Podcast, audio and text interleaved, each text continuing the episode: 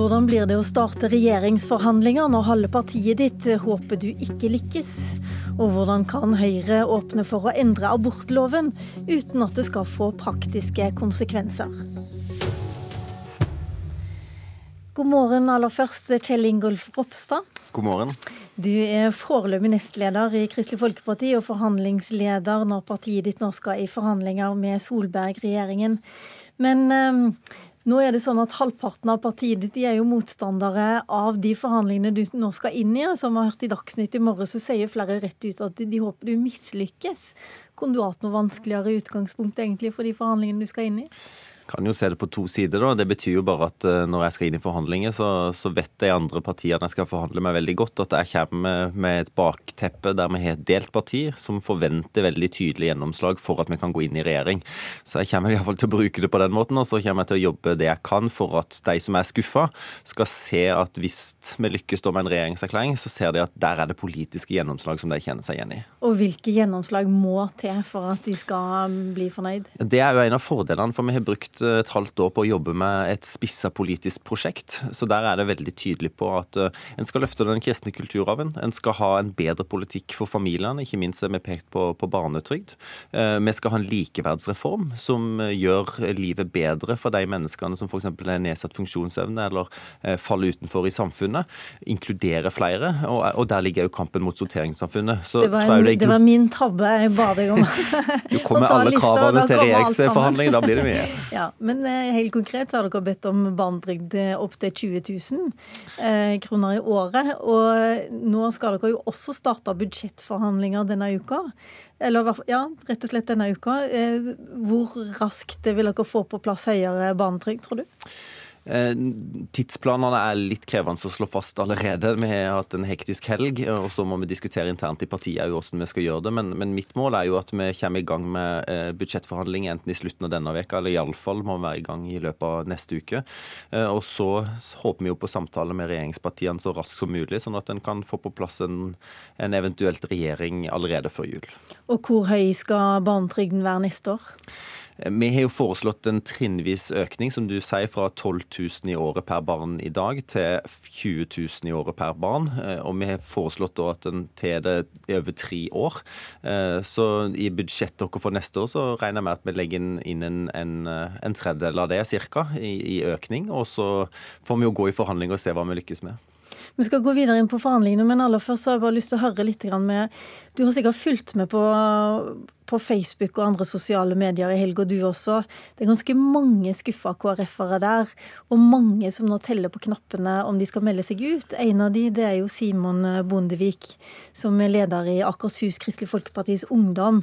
Han sier at uh, han er rett og slett usikker på om han skal fortsette, og han lurer også på om han er velkommen i partiet. Mm. Hva sier du til han? Eh, absolutt velkommen, og jeg håper virkelig at han fortsetter i partiet. Han er en stor ressurs for oss. Eh, dyktig skribent og, og, og veldig dyktig på, på talerstol og, og, vil være viktig for å kunne samle partiet framover. Men Så, han og mange av dem på hans fløy de har jo også gått knallhardt ut mot akkurat det prosjektet som du nå skal inn i. Ja, det hadde kanskje vært greiere for deg å hatt en sam samordna forsamling bak deg?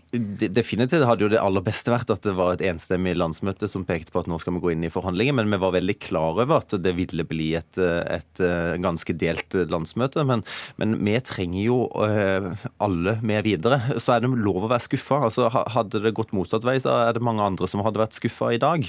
Eh, og det må være lov å kjenne på. Og så er det jo sånn at vi stender sammen om det politiske prosjektet. Og dersom vi lykkes nok med å få gjennomslag, så håper jeg at det òg vil bety så mye for deg at eh, OK, en hadde kanskje ikke så tro på det i utgangspunktet, men en er fornøyd og takknemlig for at KrF har lov å prege norsk politikk framover, og derfor blir det med videre.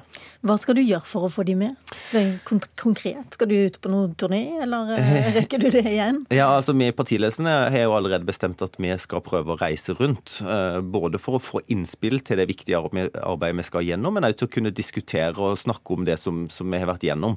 Men jeg tror jo òg det at de, vil, de som er skuffa skuffa, eh, og som har et litt annet syn, har jo ekstremt viktige bidrag inn i forhandlingene. Så jeg håper jo at de vil være svært delaktige òg i det arbeidet, og kjenne seg representert, og forhåpentligvis da se store fotavtrykk i etterkant hvis vi lykkes. La meg gå inn på en annen uh, sak som dere er enige om i Kristelig Folkeparti. Det er abortsaken. Men i denne valgkampen da, før landsmøtet på fredag, så var du ute og stilte krav til den dere skal gå i forhandlinger med. Nå har Høyre sagt at uh, ja, de ønsker å gå med dere på at Eh, alvorlig sykdom ikke lenger skal være en selvstendig abortgrunn. Mm. Eh, i stedet så skal det være snakk om at fosteret ikke er levedyktig for at man skal få en, eh, en abort. Jeg er jo veldig ja. glad for det. Eh, det betyr jo at eh, en får rydda opp, hvis, hvis, vi lykkes da i forhandlinger, får vi rydda opp i det som KrF har vært opptatt av hele tida, nemlig det, det diskriminerende elementet med at det er en ubetinga rett til abort på bakgrunn av egenskapet. Og Så jeg håper jo at en kan lykkes med en sånn løsning, der en, en hindrer at barn med f.eks. Downs syndrom har et svakere rettsvern enn andre barn. Men betyr det at flere kvinner skal føde barn med Downs syndrom eller med andre alvorlige sykdommer? Man må jo komme tilbake til det detaljene og, og, utgangspunktet til Høyre kan jo være noe annerledes enn KrF, men, men, det som har vært aller viktigst, og som jeg gjerne returnerer som et spørsmål, er bare hvorfor skal barn med Downs syndrom ha et svakere rettsvern enn andre barn? For her snakker en ikke om fram til uke tolv. Der er, vet en jo at det vil ligge fast, men spørsmålet er hva skjer etterpå. Og Vi har vært opptatt av at det ikke skal være barnets egenskap alene som skal avgjøre det, men da er det kvinners situasjon som eventuelt gjør at en får en abort. Men når jeg spør deg om dette, så er det fordi at det, det Høyre også sier, det er at kvinnens eh, vurdering skal telle mer enn i dag. Det betyr at dette kommer ikke til å få noen særlig praktiske konsekvenser. Så da lurer jeg på hva, hva er vitsen med en lovendring? Eh, det aller viktigste, som derfor jeg har meint at det har vært veldig usaklig med f.eks. en abortdemonstrasjon, er jo at en til vekt i diskriminerende elementet. Altså at det ikke er på bakgrunn av egenskaper. fordi kamp mot sorteringssamfunn handler jo om at alle mennesker har den samme verdien. Men kan Så, jeg da spørre, er det noen forskjell for, uh, for, de som har Downs syndrom? Blir det mindre stigmatiserende om du endrer loven, men du bare setter de inn i veiledningen likevel, sånn at praksisen blir akkurat det samme? Det blir absolutt mindre diskriminerende hvis du ikke har en ubetinga rett. For det som er etter uke tolv, er jo at det vil være nemndbehandling. Og så må jo nemndene da ta stilling til den aktuelle situasjonen. Men det er klart eksemplene som er enten det er Downs syndrom, hareskår Jeg har til og med fått eksempler fra jordmødre som har snakket om at en eh, har tatt abort på bakgrunn av at en mangler ei hånd. Den type eksempler vil jo jeg tenke vil bli behandla annerledes i et nytt system, og, og dermed styrker jo rettsvernet. Og da tenker du at hvis man vil ha abort fordi fosteret mangler en hånd, så skal man få nei til det? Det er mitt utgangspunkt, ja. Mm.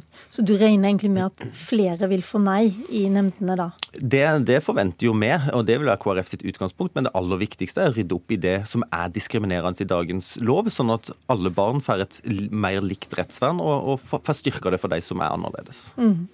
Tusen takk skal du ha, Kjell Ingolf Ropstad. Vi skal få inn eh, to eh, debattanter her fra Arbeiderpartiet og Høyre. Og jeg starter med deg, Mathilde Tybring-Gjedde. Du representerer Høyre i dag, siden ingen av nestlederne eller parlamentariske leder kunne komme. Og du er selvfølgelig hjertelig velkommen. Hørtes dette ut som eh, eh en ordning som altså Det Ropstad sier nå at de ønsker seg, det er jo at flere skal få nei i de mm. nemndene mm. som de kommer til. Er det også noe Høyre er innforstått med? Så Erna Solberg og Høyre har vært tydelig tydelige på at eh, vi kan se på det mer diskriminerende elementet i abortloven, det som mange med f.eks. Downs syndrom opplever som stigmatiserende, men at for oss så ligger eh, kvinnenes rettigheter fast. Så det skal ikke være en endring i praksis, og man skal tillegge kvinnens vurdering av situasjonen enda større eh, vekt. Kan ikke derfor spørre deg det samme spørsmålet som vi stilte da. Blir det mindre stigmatiserende for de som har Downs syndrom, at man Eh, fortsatt altså, tar abort på, på fosteret med alvorlig sykdom, som f.eks. Downs. Altså, Bare som, at man ikke har det i loven, man har det i en veiledning istedenfor? Det som vil bli vurderingen da, er jo kvinnens tanker og meninger om situasjonen, og ikke egenskaper og diagnoser ved fosteret alene, i likhet med andre, andre, kvinner som også går til en nemnd, hvor de har fostre som er friske. Eh, men det er et annet poeng her også, som ikke dere var inne på, og det er jo at dersom man endrer, og, liksom, endrer alvorlig sykdom som et kriterium alene, så vil det også også være en viktig barriere mot et eh, sorteringssamfunn. For i dag så er det jo egentlig teknologien som avgjør hva som ligger i det kriteriet, og det har utvidet seg over tid. Så selv om politikerne ikke har endret abortloven, så har jo teknologien gjort at det dukker opp nye muligheter, som jeg også mener at vi som politikere må ta stilling til, uten å havne i skyttergraver. Hadia Tajik, du er nestleder i Arbeiderpartiet. Dere har bedt Høyre avklare hva de mener. Er du fornøyd med den avklaringen vi har fått nå? Nei. Jeg er skuffa over Erna Solberg. Jeg hadde forventa mer av henne. Og jeg er egentlig ganske forbanna òg, på vegne av alle norske damer. Vi har eh, hatt en abortlov eh, som har tjent oss godt i eh, mange tiår. Det er en lov som gir kvinner veldig klare, selvstendige rettigheter til å bestemme over sin egen kropp. Og selvstendigheten til å ta frie valg knytta til sitt eget liv og sin egen helse. Og det som vi ser at Høyre nå skisserer, som de har omtalt i VG og, og andre plasser, er at de da vil bytte ut det som er en, en selvstendig rett, et objektivt kriterium knytta til alvorlig skade på fosteret, at det skal vekk. Og at man skal erstatte det med et kriterium knytta til at fosteret eh, ikke er levedyktig. Altså, eh, Mathilde Tybring-Gjedde omtaler denne paragrafen i abortloven som diskriminerende, og at det er grunnen til at de vil endre på den. Eh, den er ikke diskriminerende. Den har en helt nøytral ordlyd. Det er ingenting i paragrafen som knytter seg til Downs syndrom eller andre eh, diagnoser eller, eller, situasjoner eller omstendigheter. Det eh, paragrafen omtaler, er altså alvorlig alvorlig skade på fosteret. Det er tusenvis av eh, medisinske tilstander det her er snakk om. Eh, og de svekker jo kvinnenes rettighet når de fjerner det som er et objektivt, selvstendig kriterium, en rettighet, og så sier at kvinnene skal ha en, at man skal tillegge deres vurdering vekt. Det er en subjektiv vurdering. Ja, Men de sier jo at det ikke skal ha så stor praktisk konsekvens. Men realiteten er at hvis du endre loven sånn at man ikke lenger har en objektiv rett, og heller sier at det er en subjektiv vurdering, så har du svekka kvinnenes rettigheter. Det betyr at med deres endringer så vil kvinner måtte gå til nemnda og kle seg fullstendig emosjonelt nakne, fortelle om sitt privatliv, fortelle om sitt, sine familieforhold, fortelle om sin økonomi, fortelle om sitt liv, og så si at dette er min situasjon, jeg, jeg ber om at dere vurderer det. Og så skal de ligge i hendene på den nemnda om de mener at de omstendighetene er gode nok eller ikke. Da, altså, da svekker man kvinnes posisjon og kvinnes rettigheter. Her mener jeg at her skaper Arbeiderpartiet et bilde som ikke er riktig. Nå har jeg vært helt eh, klinkende klar på at kvinnenes rettigheter ligger fast. Det kommer, dette er ikke tiltak for å få ned aborttallene. Det skal vi få til med mange andre viktige tiltak for familiene. Det var vel det som var tiltaket? Var det, det var det eh, Ropstad ønska seg? Det er klart, men Høyres standpunkt ligger jo klart. Og vi har sagt at vi er villige til å se på lovteksten, som i dag oppleves diskriminerende. Og det kan ikke Hadia Tajik se bort ifra, nemlig at mange mennesker med Downs syndrom eller andre diagnoser diagnoser som omfattes av bestemmelsen, opplever det som diskriminerende. Og så I tillegg har vi sagt at alvorlig sykdom som et, eh, som et vilkår over tid, også fremover, vil avgjøres av teknologien. og Da har det kunne vært lurt å heller se på at man tar en vurdering av kvinnens meninger og følelser rundt dette, og det tillegges avgjørende vekt i en abortnemnd. Eh, og jeg må si at Det å havne i slike liksom, skyttergraver og komme med retorikk som jeg også har sett har blitt brukt, f.eks. sånn strikkepinnesamfunn, det er å skape en usikkerhet som ikke trenger eh, å være der der. Eh, vi har vært opptatt av at vi kan se på den lovteksten, men at kvinnenes rettigheter ligger fast. Og det er også, jeg må også okay, dette får jeg få en ting om gangen. Uh, Tajik? Altså, Høyre må gjerne sitte her og si at kvinnenes rettigheter ligger fast, men faktum er at det de foreslår, gjør at kvinnenes rettigheter blir svekka. Hvis du foreslår den type endring i lovteksten, så er det det som er konsekvensen. Og nå er det Tybring-Gjedde og Høyre som sier at andre driver med retorikk. Vel, hvis vi spoler tilbake til den debatten som Høyre sjøl hadde på sitt eget landsmøte i 2013, det handler om akkurat denne paragrafen, så var det høyrefolk, sterke høyredamer, sånn som Astrid Nøkleby Høiberg, som gikk opp på talerstolen og sa de samme tingene som jeg sier nå, at dette her er oppsiktsvekkende uklokt, og at det umyndiggjør kvinner. Bare, det er grunnen til at jeg òg reagerer på den måten. Kan, kan, du ikke bare svare på det, Tybring-Gjedde, for vi vet jo at det er veldig ulike meninger om dette i Høyre?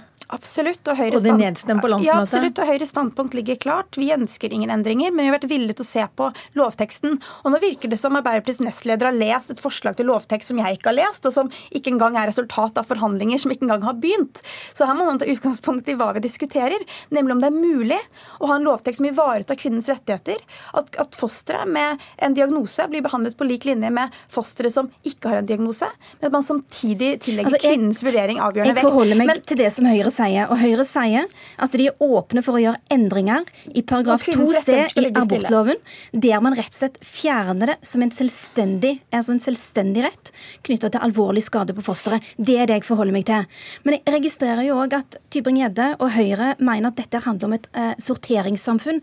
Det reagerer jeg veldig sterkt på.